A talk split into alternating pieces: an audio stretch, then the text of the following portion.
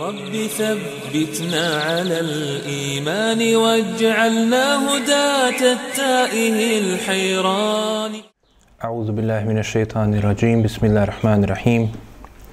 إن الحمد لله تعالى نحمده ونستعينه ونستغفره ونعوذ بالله من شرور أنفسنا ومن سيئات أعمالنا. من يهده الله فلا مضل له ومن يضلل فلا هادي له. واشهد ان لا اله الا الله وحده لا شريك له واشهد ان محمدا عبده ورسوله ارسله الله تبارك وتعالى بالهدى ودين الحق ليظهره على الدين كله وكفى بالله شهيدا ثم amma بعد Svaka zahvala pripada Allahu subhanahu wa ta'ala. Njega slavimo i njega veličamo, od njega pomoć i oprost za naše grijehe tražimo. Neka je salavat i selam na njegovog posljednjeg poslanika, njegovog odebranika i miljenika, Muhameda sallallahu alihi wasallam, njegovu časnu porodcu, sve njegove ashave, kao i one koji slijede njihov put do sunnjega dana. A zatim stigli smo do devetog značajnog događaja koji se desio treće godine po Hidžri, koji je u osnovi najznačajniji događaj koji je desio se u ovoj godini. I ujedno jedan od najznačajnijih događaja u životu Allahovog poslanika, sallallahu alihi wasallam. A to je događaj bitke na Uhudu. To je dakle druga bitka velika koja se desila u životu Allahovog poslanika, sallallahu alihi wasallam, druga bitka o kojoj nam Kur'an govori nakon bitke na Bedru, to je bitka koja je došla kao veliki isput, ispiti kušnja za Allahov poslanika i njegove ashabe, u kojoj se desilo, kao što ćemo vidjeti, mnoštvo i veličanstvenih događaja, primjera viteštva i junaštva ashaba, u kojoj je puno njih palo kao šehidi, u kojoj je Allahov poslanik sallallahu alaihi wasallam ranjen i slomljen mu zub, u kojoj su muslimani u jednom momentu i izgubili zato što je Allah uzvišen i želio da pokaže svome poslaniku i njegovim drugovima ashabima u čemu je tajna njihovog uspjeha, u čemu je se ogleda njihov uspjeh i kako će uspjeti na ovome svijetu. A to je kroz pridržavanja propisa Allahove subhanahu wa ta'ala vjeri, slijedženjem njihovog poslanika koji je bio sa njima, Allahov poslanika Muhameda sallallahu alaihi wa sallam. I kada budu na tom putu i na toj džadi, onda će ostvariti ono što želi na ovom svijetu. Također, Allah uzvišen je stavio ih na kušnju da bi se pokazali munafici koji su nakon bitke na Bedru i velike pobjede muslimana nakon dana Furkana onda nagrnuli u islam ali ostali na svome nevjerstvu prikrivajući to svoje nevjerstvo prividnim islamom kojih su ispoljavali samo u vanštini, a njihova srca bila i dalje u potpunosti na kufru i nevjerstvu. Pa je Allah uzvišeni dao ovu kušnju da vide muslimani ko su ti munafici. A također Allah uzvišeni je iskušao muslimane iz razloga da nekim od njih oprosti, neki od njih uzme za šehide, nekima od njih da poveća nagradu, da poveća im stepen kod njega, subhanahu wa ta'ala. Jer da nije bilo ovog iskušenja, ne bi se jel, istakli, dakle, ashabi, ne bi se vidjelo njihovo junaštvo, ne bi se vidjela njihova žrtva, ne bi bilo, jel, ti veliki junaka koje je Islam zapamtio i zapamtit će. Allah uzvišeni, dakle, uvijek odabire za svoje robove puno bolje od onoga što oni misli. Kao što je poslaniku, sallallahu alaihi ve sellem, podario pobjedu i samu bitku da se desi na Bedru, pa onda pobjedu nakon toga, iako su puno malobrojniji bili, tako je na Uhudu dao da u jednom momentu izgube da bi vidjeli da se ne uzdaju u svoju snagu i da se sjete i uvijek imaju na umu da njihova snaga u njihovom imanu, vjerovanju Allaha subhanahu wa ta'ala i okretanje, vezanje, oslanjanje samo na njega subhanahu wa ta'ala, a ne na svoje snagu i da se zanose sa svojom snagom i svojom moći. I da će samo tako uspjeti. I da je sve na kraju u Allahovim rukama. Jer sve to što je zadesilo je Allahov poslanika sallallahu alaihi ve sellem i ashabe oko njega pokazalo im je dakle da ni Allahov poslanik sallallahu alaihi ve sellem ne može i ne koristiti ni štetiti mimo Allaha subhanahu wa ta'ala da se moraju u potpunosti predati potpunosti ispoljiti tevhid Allahu subhanahu wa ta'ala i samo njega obožavati i od njega tražiti sve ono što im je potrebno. I onda će ostvariti sve moguće uspjehe. Zato ova bitka, kao što ćemo išala vidjeti, ima će tri faze. Prvu fazu u kojoj će muslimani da ostvare pobjedu i da budu vrlo blizu potpune pobjede nad mušicima. A onda će, zato što će neki od njih biti nepokorni poslaniku, sallallahu alaihi ve sellem, napraviti samo jedan prekršaj, samo jednu naredbu Allahu poslanika, sallallahu alejhi ve sellem, prekršiti, pa će Allah uzvišeni dati veliku, veliko iskušenje i vid poraza u bitci. Ali na kraju opet je pobjeda bila muslimanima, kao što ćemo inšala vidjeti. U završetku svega svih tih događaja veža, vezani za bitku na Uhudu. Ali uz velike, velike žrtve koje će pretrpiti.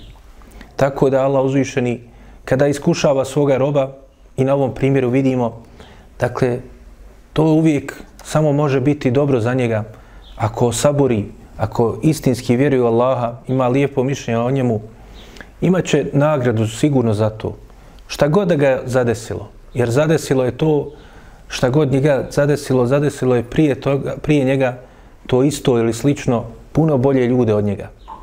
I Allah uzvišeni, jel, kroz sve to nudi velike nagrade svojim robovima. Za onaj svijet koji je vječan, nasprem ovog, jel, prolaznog svijeta.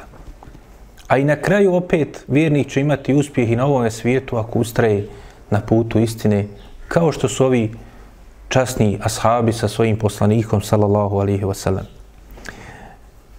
Bitka na Uhudu, dakle, desila se pored brda Uhud u Medini. Dakle, to brdo, veličanstveno brdo koji sad stoji i svjedoči svim tim događajima, treba reći za njega da kao što kažu učenjaci e, koji su jel, razumiju te nauke, dakle geografije i tako dalje, dakle njegova visina je otprilike 1070 metara, dakle preko 1000 metara je visoko, u svojoj dužini je oko 7 km, a u širini je između 2 i 3 km, ovisno od kojeg dijela. Tako da jel, to brdo je posebno i svojim izgledom i veličinom e, naspram ostalog, ostalog terena i e, ostalog, dakle, prijedila grada Medine. Dakle, ističe se i upadljivo je čak i u današnje vrijeme u svu ovu jel, e, savremenu gradnju koja je doživjela e, i Medina kao i ostali gradovi i danas dan je jel, uočljivo brdo Uhud. I zato jel, to nam daje ponovo i dodatno značenje svim onim riječima Allahovog poslanika sallallahu alejhi ve sellem i hadisima u kojima spominje vrijednosti neki dijela spominjući Uhud, dakle vrijednosti kao što je vrijednost dakle udjeljivanja da čovjek udjeli koliko je brdo Uhud zlata, a vidimo je ogromno 7 kroz 2 km, 1000 i nešto visoko, dakle ogromne količine zlata neće dostići ni samo dakle, jedan sa ili pola, uh, jedan, jednu pregršt, jedan mud ili pola muda, dakle, uh, koji, bi, u, koji su uložili na Allahovom putu ashabi Allahovog poslanika, sallallahu alaihi ve sellem. Dakle, veliki stepen, samo kroz to vidimo koliki je stepen ashaba, a još neki jel, dijela, kada vidimo da se spominje Uhud, uvijek imamo na umu da je to ogromno brdo, posebno kada se uzme u kontekstu jel, ostalog terena u Medini, i koliko je ono bilo jel, izrazitije svojom veličinom naspram ostalog terena u Medini. Dakle, bitka se desila kod tog brda. Također, treba reći da je ta bitka bila, kao što smo rekli, treće godine po Hidžri u mjesecu Ševalu. Spominje se u izvorima dakle, da kada se bitka desila u mjesecu Ševalu, polovinom mjeseca Ševala, dakle, polovinom mjeseca Ševala, da je bio dan subote. Dakle, prvo kažu da je bio dan, dakle, u toku dana se odvila bitka i da je taj dan bio dan subote. Što se tiče povoda, zašto je došlo do bitke, već neke stvari smo nagovijestili prošli put. Dakle, mušici, nakon svega što je zadesilo na bedru, dugo su imali želju i jačala im je sve više želja za osvetom Allahovom poslaniku i njegovim ashabima za poraz na bedru. Mnogi od njih su imali jel, velike gubitke, izgubili su općenito svoje glavešine i predvodnike, neki su izgubili svoje očeve, neki svoje sinove i želili su da se osvete. Onda ono što je uslijedilo nakon bitke na Bedru, kao što smo vidjeli, dakle, pokušaj da dođu do Medine, pa su onda odustajali, kao ona izvinica koju je došao e, Ebu Sufjan sa njom, i također drugi neki pokušaj vječanja sa jevrejima, šurovanje sa njima, šurovanje sa nekim e, plemenima koja su živjela oko Medine, pustinskim plemenima, beduinima.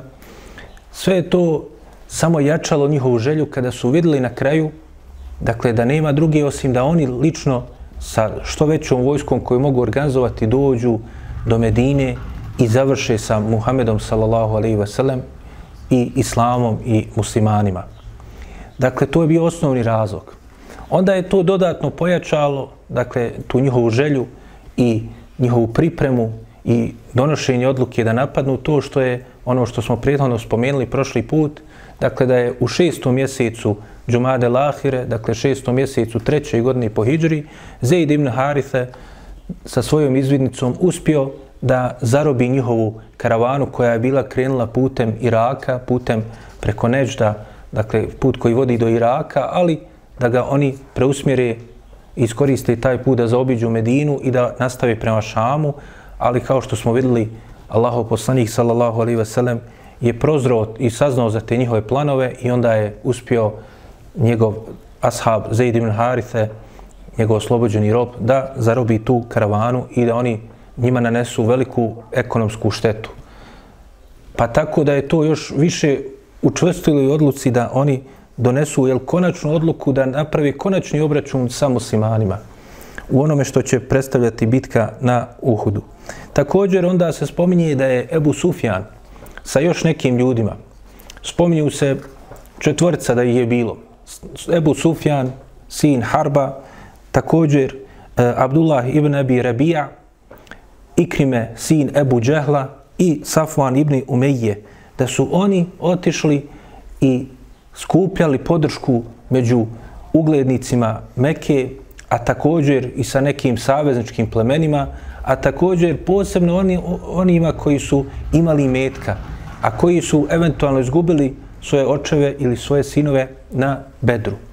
Pa su skupljali njihovu podršku, posticali ih na borbu.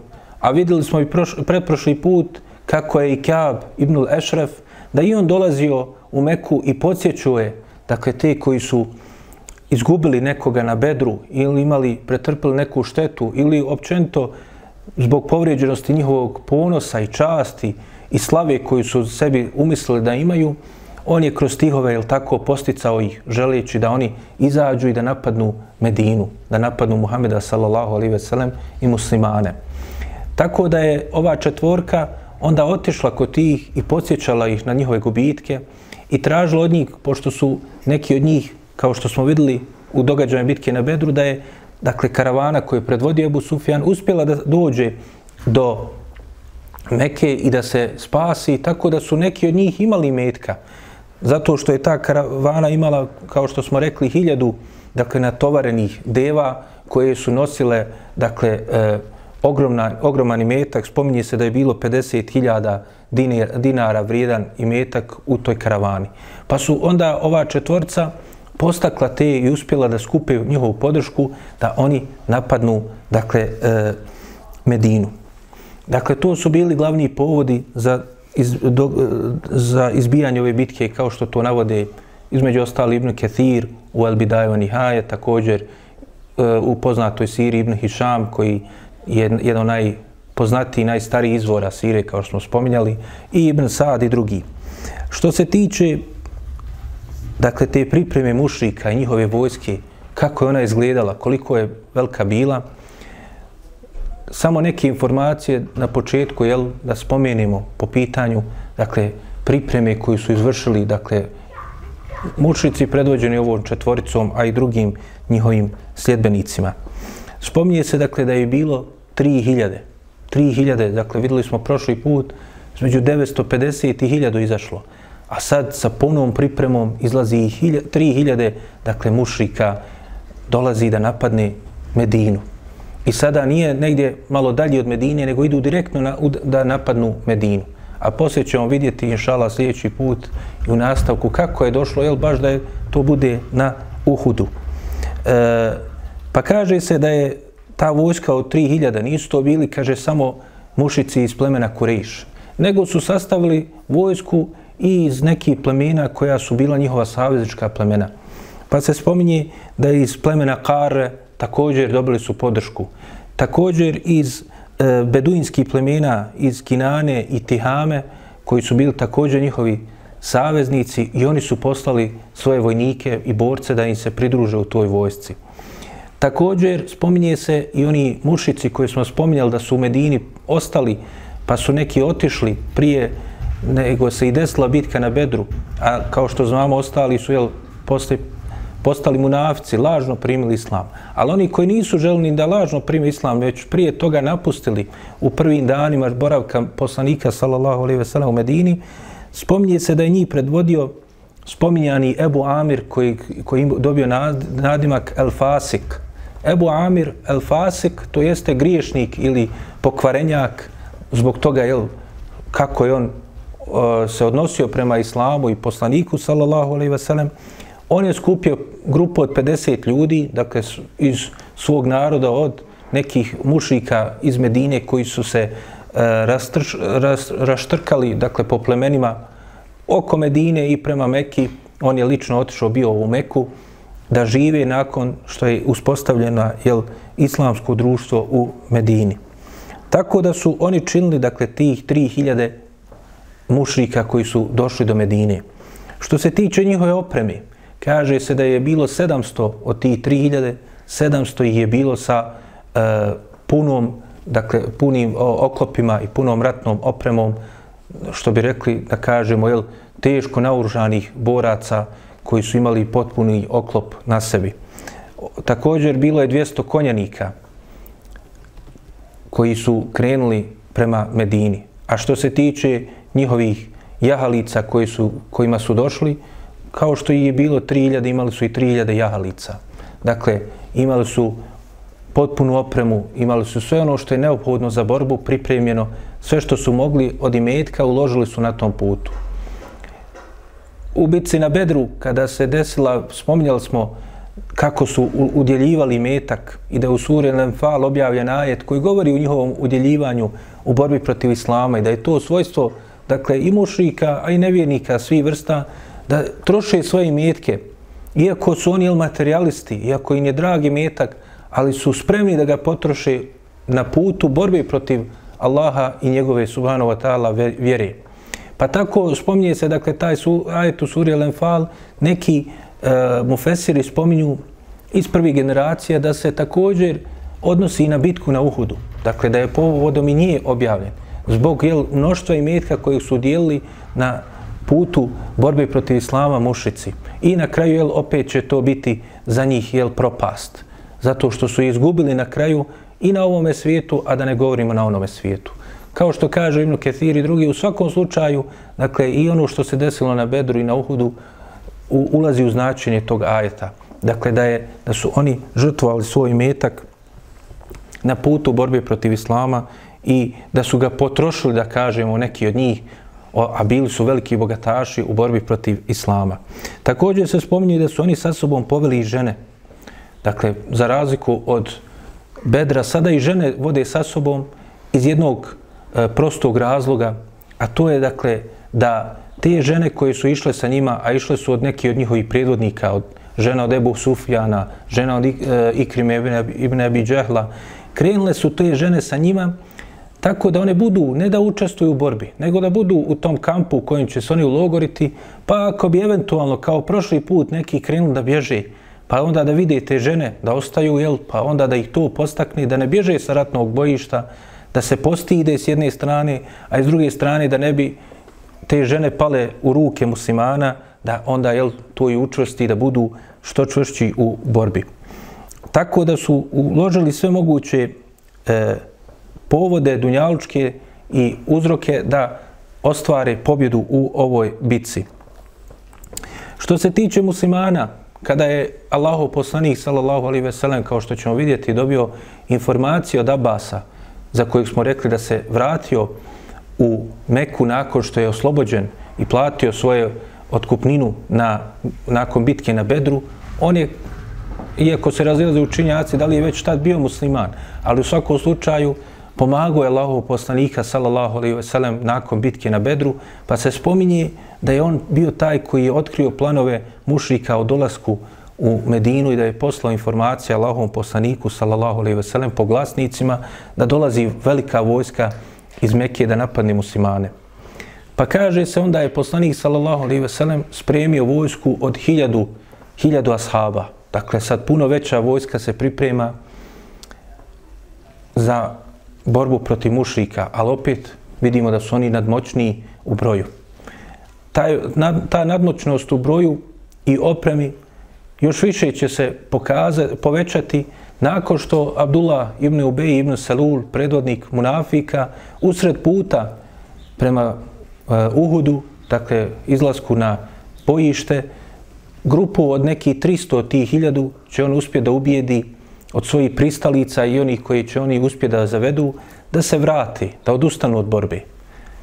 Kao što ćemo to vidjeti e, u opisu događaja zašto i kako je to došlo. Tako da je na kraju na poprište bitke izašlo samo 700 e, ashaba sa Allahovim poslanikom sallallahu alaihi wasallam. Allahov poslanik sallallahu alaihi wasallam rasporedio vojsku tako da je, e, iako ima i tu razilaženje neki učenjaka, da li je rasporedio E, tako što je podijelio Ensarije na Eus i Hazreć, a, a što se tiče Muhađira da je i njima odredio nekog zasebnog kao onoga koji će nositi njihovu zastavu, ali poznato izvorima da se spominje dakle, da je e, plemenu Eus e, dao da ga predvodi Useid ibn Hudair radijallahu anhu i da je njemu dao dakle, zastavu da nosi ispred njih. A što se tiče plemena Hazreć, da je to dao Hubabu ibn Munziru da on bude taj koji će ih predvoditi, Hubab ibn Munzir. A što se tiče muhađira, da je njih predvodio Mus'ab ibn Umeir, radijallahu anhu. Od događaja na bit, u, u bitci vidit ćemo velika junaštva ashaba, kao što ćemo išala vidjeti i da su žene muslimanke, ashabike, odigrale također ulogu veliku u bitci. Neke su i učestvovale u borbi, a neke su između ostalog pomagali ranjenicima koji će biti na dan borbe i dan bitke veliki broj, pomagale ranjenicima, napajale ih i e, zbrinjavale nakon što su ranjeni. Tako da su i one odigrale veliku ulogu. Na kraju same bitke muslimani su imali velike veliku štetu pre, pre, koja je zadesila na, na danu bitke u vidu velikog broja šehida spominje se u svim poznatim izvorima i Buharija i drugi spominju broj od 70 šehida bitke na Uhudu. Neki izvori čak spominju da je ukupno bilo 108. Dakle, između 70 i 108, najmanje 70 da je bilo. Kao što znamo, broj ubijenih mušrika na Bedru je bilo 70, a na Uhudu najmanje 70 bilo ubijenih ashaba. I to među njima najveći, jedni od najvećih ashaba su, dakle, pali kao šehidi, spomenuti Musa ibn Umeir i predvodnik i prvak svih šehida, a to je Hamza, Amidža Allahov poslanika, sin Abdul Mutaliba. Također, jedan je od šehida i mnogi drugi. Većina šehida, dakle, ogroman broj, ovih šehida u osnovi je bio od Ensarija. Vrlo malo je bilo od muhađira, ve, velika većina je bila od Ensarija, kao što ćemo vidjeti. Što se tiče mušrika, oni su imali također dakle, e, štete u izgubljenim, izgubljenim ljudima, pa kaže se da je bilo između 22, to jest ili 22 ili 23. Allah najbolje zna, dakle 23 ubijena mušrika je bila na uh, Uhudu, a dakle puno, puno više je ubijeno muslimana. U povod ove bitke Allah uzvišen je objavio 60 ajeta iz sure Alu Imran. Prvo sa, počinje dakle, od 121. ajeta pa do pred sami kraj sure Alu Imran počinje kazivanje jel, i ajeti koji su objavljani u povodu bitke na Uhudu. Ukupno 60 dakle, tih ajeta. Jedan samo ajet treba posebno naglasiti od svih tih ajeta u ovom momentu. A to je ajet koji je objavljen povodom onoga što je zadesilo Allahov poslanika sallallahu alaihi wasallam. Kao što smo rekli, Allahov poslanik sallallahu alaihi wasallam je ranjen u bitci na Uhudu. I to je jedina bitka u kojoj je ranjen Allahov poslanik sallallahu alaihi wasallam. Pa neko ko hadisa je to spomenuo Allahov poslanik sallallahu alaihi wasallam. U hadisima kod Buhari i drugih se kaže da je poslanik sallallahu alaihi ve sellem između ostalog rekao pojačala se Allahova sržba na narod čiji je poslanik ranjen. Također da je rekao Allahov poslanik sallallahu alaihi ve sellem kako će, kaže, uspjeti narod čiji je poslanik ranjen, čija je glava razbijena, jer mu je bila razbijena glava, razbili su mu kacigu, ra, pukla mu je donja usna, slomili su mu jedan zub, pa kaže kako će uspjet narod kojim je ranjen poslanik. Nakon toga kaže Buharija spominje taj hadis bez lanca, prenoslaca, muslim je došao sa potpunim lancem te, tog hadisa, koji je naravno vjerodostojan, kaže, nakon toga je objavljen ajet, opet je li sure Ali Imran iz ovog e, dijela odlomka sure Al Imran koji govori o bitci na Uhudu u kojima Allah uzvišeni kaže lejse leke minel emri šej. Kaže, Allah uzvišeni tu je rekao ništa ne zavisi od tebe. Nakon što je rekao neće, kako da uspije narod koji kojima je posla, koji, čiji je poslanik ranjen, Allah uzvišeni objavljuje lejse leke minel emri šej. Ništa ne zavisi od tebe, Allahov poslaniće eu yatube alejhim eu yu'adhibahum fa innahum zalimun. Pa kaže ako im Allah oprosti i primi njihovo pokajanje ili ako ih kazni oni su zalimi zulumčari nasilnici.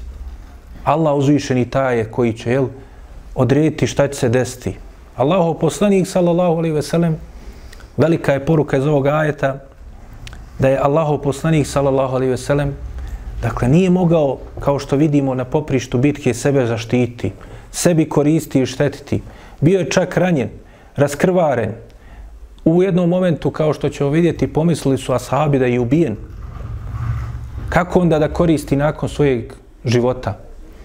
Allah uzvišen još to potvrđuje i kaže, tebi ništa, Allah, Allahov poslanić, od tebe ništa ne zavisi. Ti samo Allahov robi njegov poslanik. Allah je taj koji se ime upravlja.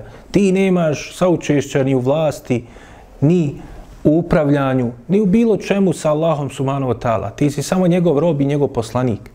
Najbolji Allahov rob i, njegov, i najbolji i najodabraniji poslanik. Ali samo to, ništa više. Kako onda da tebi se usmirava ibadet?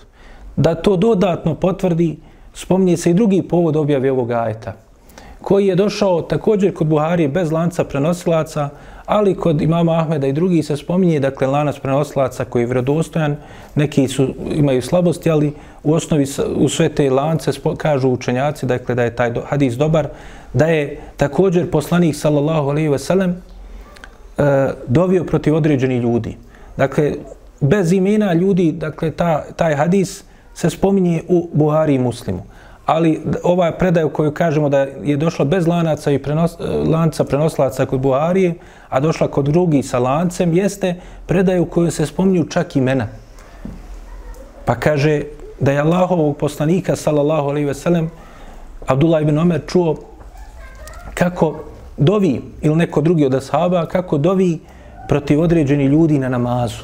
Dakle, u namazu, na seždi, dovi Allahov poslanik, sallallahu alejhi ve sellem, protiv određenih mušrika koji je smatrao krivcima za ovo što se desilo muslimanima na Uhudu i još i proklinje. Kaže Allahu, kako je došlo u ovom hadisu kod Buhari i muslima, Allahu, nek je proklet taj, nek je proklet taj, nek je proklet taj. I kaže, nakon toga je objavljen ovaj opet ajet, dakle, oba dva ova su e, povoda, kažu učenjaci, ispravno da se odnosi na ovaj ajet i da ospadaju u značenje ovog ajeta. Dijela uzvišeni kaže, leji se leke minel emri šeji. Ništa ne zavisi od tebe. Dakle, proklinješ i ništa ne zavisi od tebe. Ko su ta trojica se spominju protiv koji je dovio Allahov poslanik sallallahu alaihi ve sellem? Prvi je Safwan ibn Umeije. Isti onaj što je na samrti Ebu Talibu rekao zajedno sa svojim jaranom Ebu Džehlom zar ćeš ostaviti vjeru Abdul Mutalibovu? Pa su uspjeli ubijeti Ebu Taliba da umre na kufru i širku. Sada je bio jedan od glavnih ubici na Uhudu protiv muslimana. Drugi je već spominjani Suhejl ibn Amr, onaj što se odkupio na bedru, onaj što je tražio Omer radijallahu anhu da mu skine glavu zato što je bio od onih koji su najglasniji bili, bio govornik i hatib mušrika protiv muslimana u Mekki. I evo ga opet se vratio na Uhudu napada muslimane. Iako se odkupio, a poslanik sallallahu alejhi ve sellem smirio Omera radijallahu anhu kada mu je rekao Omere, možda ćeš vidjeti nešto od njega što će te obradovati. A treći je bio El Harith ibn Hišam, brat od Amra ibn Hišama. Amr ibn Hišam je naravno Ebu Džehl, dakle rođeni brat od Ebu Džehla El Harith. On je bio također taj treći protiv kojeg je dovio Allaho poslanih sallallahu alaihi wasallam. Ko se još istako u ovoj bitci? Treba napomenuti dakle, da je vojsku mušrika predvodio Ebu Sufjan. On je bio komandant. Konjanik je predvodio Halid ibn Velid. A pomoćnik mu je bio Ikrime ibn Abi Džehl. Ova šestorica, svih ovih šest, koji su ostvarili ovo što su ostvarili i toliko godina proveli u borbi protiv Islama, vidjet ćemo kasnije, jedan po jedan, svi će postati muslimani. Allahu poslanik, sallallahu alejhi ve sellem, dovi protiv ove trojice i proklinje ih. Allah nije primio njegovu dovu. Objavio ajet i kaže ništa ne zavisi od tebe. I oni svi primaju islam. I Safvan, i Suheil, i El Harith ibn Hišam. Otićemo deset godina dalje nakon ovog događaja, 13. godine po Hidžri. Ima jedan zanimljiv moment koji veže svih ovih šest časnija shaba Allahov poslanika, a tada veliki jel neprijatelja Islama, koji pokazuje veličanstvenost Allahove vjere. A to je moment 13. godine po Hidžri, kada u mjesecu Ređepu muslimani u dolini rijeke Jermuk na velikom platovu pored nje i velikoj dolini izaće sa 36.000 muslimana da se suprostave protiv 240.000 bizantinaca. Ko predvodi tu vojsku? Ko je komadant? Halid ibn Velid. Ko je glavni da postiče muslimane na borbu? Zadužen da podiže ratni moral muslimana. Ebu Sufjan, radi Allahu Čak šta više, jedan od glavnih komadanata u vojsci je njegov sin Jezid, a on mu je pomoćnik. I drugi njegov sin, zajedno sa njim u Safu, Muavija.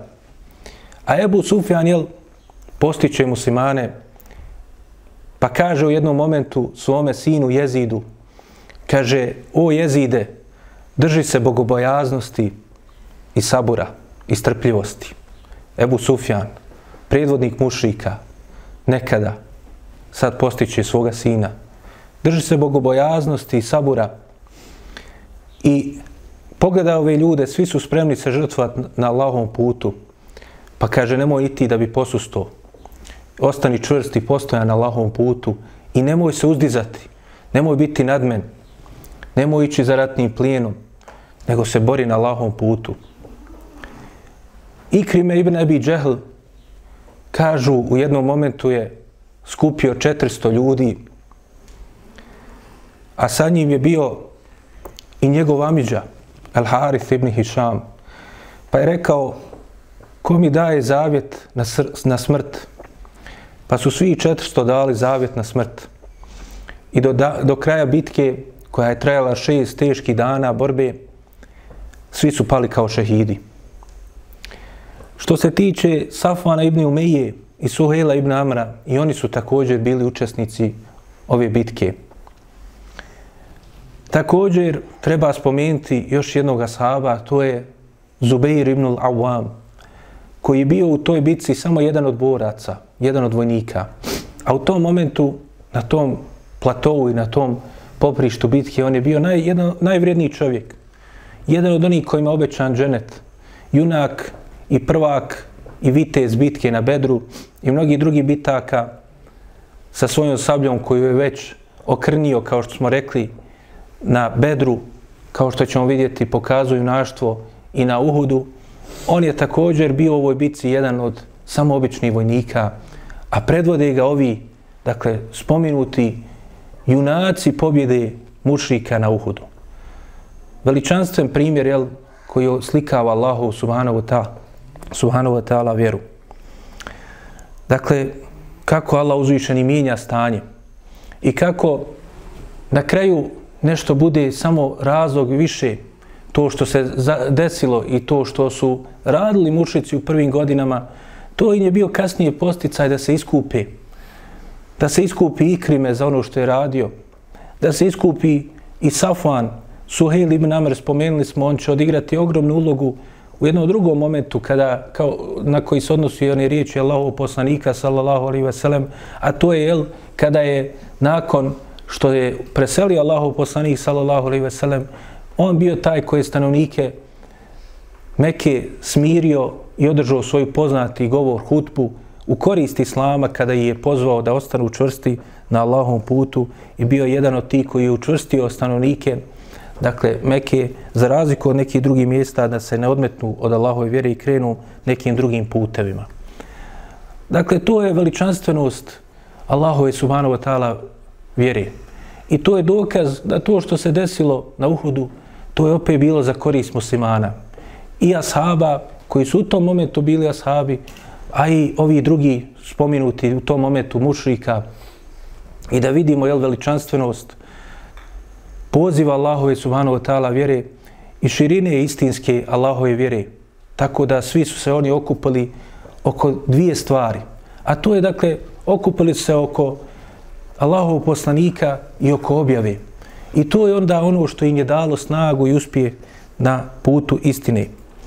Zato što samo su muslimani ti koji sve svoje najveće bogatstvo mogu smotati pod ruku i ponijeti gdje god ih pošalju i šta god im urade.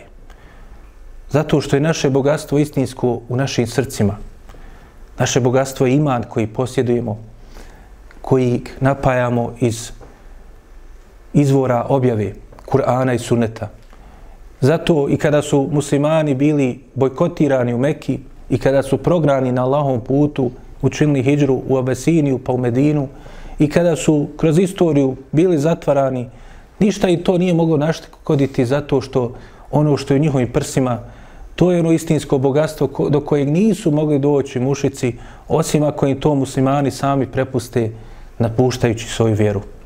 I zbog toga je neophodno da čovjek zna, kao i što ova bitka nam to na jedan slikovit način pokazuje, dakle da to drvo imana treba napajati, da kao što drvo, primjer imana je kao primjer palminog drveta, koje kada pogledamo, jel, stoji u pustinji, na najgorim uvjetima, drmaju ga pustinski vjetrovi, puni prašine i pijeska, teške vrućine i žege, vrlo malo vode da se napoji, ali ono čvrsto i postojano stoji.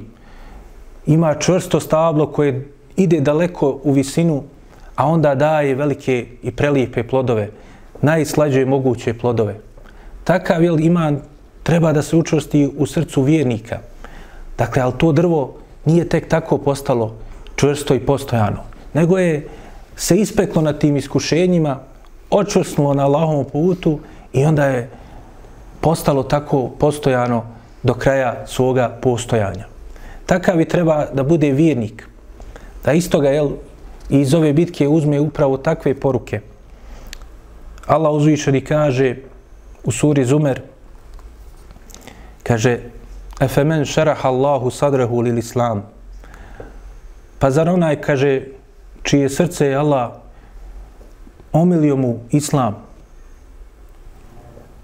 Fe huve ala nuri min rabbi. Kaže, ono je na uputi od gospodara svoga i na svjetlu od gospodara svoga. Fe lil qasiyati kulubuhum. Kaže, a teško li se onim srcima koja su tvrda min zikrillah.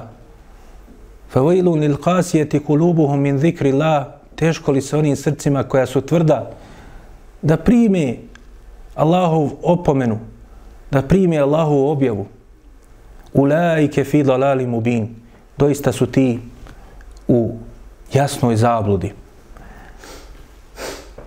Allah uzvišeni dalje kaže Allahu nezele ahsen al hadith. Allah je objavio najbolji govor. Objavio nam je najbolji govor, Kur'an. Kitabe mutešabihan, kaže knjiga čija su značenja ajeta, jedna druga potvrđuju, slična su, nadovezuju se, dodatno ojačavaju poruke koje se šalju iz njih. Methanije, čije se, kaže, poruke stalno ponavljaju. Stalno treba uzimati, vraćati se na njih. Stalno su to jedne te iste poruke da bi se, jel, kočajka očvesnule. Kao i to drvo što stalno jedni te isti vjetrovi ga njihaju sve dok se ne očvrsne. Zbog čega? Zato što Allah uzvišeni kaže dalje takša'irru minhu džuludu ladhina jakšauna rabbahum. Kaže, naježe se kože oni koji se boje Allaha uzvišenog. Thumme tualine džuluduhum wa kulubuhum ila zikrillah. A onda se, kaže, raznježe i njihove kože i njihova srca zbog Allahovog zikra, Allahovog spomena. Kada se Allah spomeni, kada se prisjete i vide nakon svih ti iskušenja između straha i nade žive, onda kada uzmu pouke i napoje svoja srca sa uputom, onda se njihova i kože i njihova srca raznježe, omili im se sve to. Zato Allah uzviše i na kraju kaže Zalike hud Allah jehdi bihi me ješa kaže Allah uzvišeni kaže zato, to ista je to kaže Allahova uputa u kojoj upućuje onoga koga on hoće. Na kraju jel raznježio je srce i Ebu Sufjana i Safuana ibn Umeje i Suhela ibn Amra i Ikrime ibn Abi Džahla, i mnogi drugi koji su imali sve razloge da ostanu na onome na čemu su bili ali nisu ostali. Također, Allah na kraju kaže وَمَي يُدْلِ لِلَّهِ A onoga koga Allah ostavi, kaže u zabludi. فَمَا لَهُ مِنْ هَادِ On kaže, nema onoga koji će ga uputi. Pa molim Allaha subhanahu wa ta'ala da nas uputi na pravi put, da nas učesti na njemu, da nam poveća ljubav prema Allahu poslaniku i njegovim ashabima, da nas učini od njegovih istinskih sljedbenika, da se smiluje svim muslimanima na svakom mjestu olakša im, oprosti njihove grijehe, da izliči bolesne muslimane. Molimo ga Subhanahu wa ta'ala da uputi nas i naš narod. Amin. Ja Rabbi, thabbitna ala al-iman waj'alna hudata ta'ihi l'hajrani.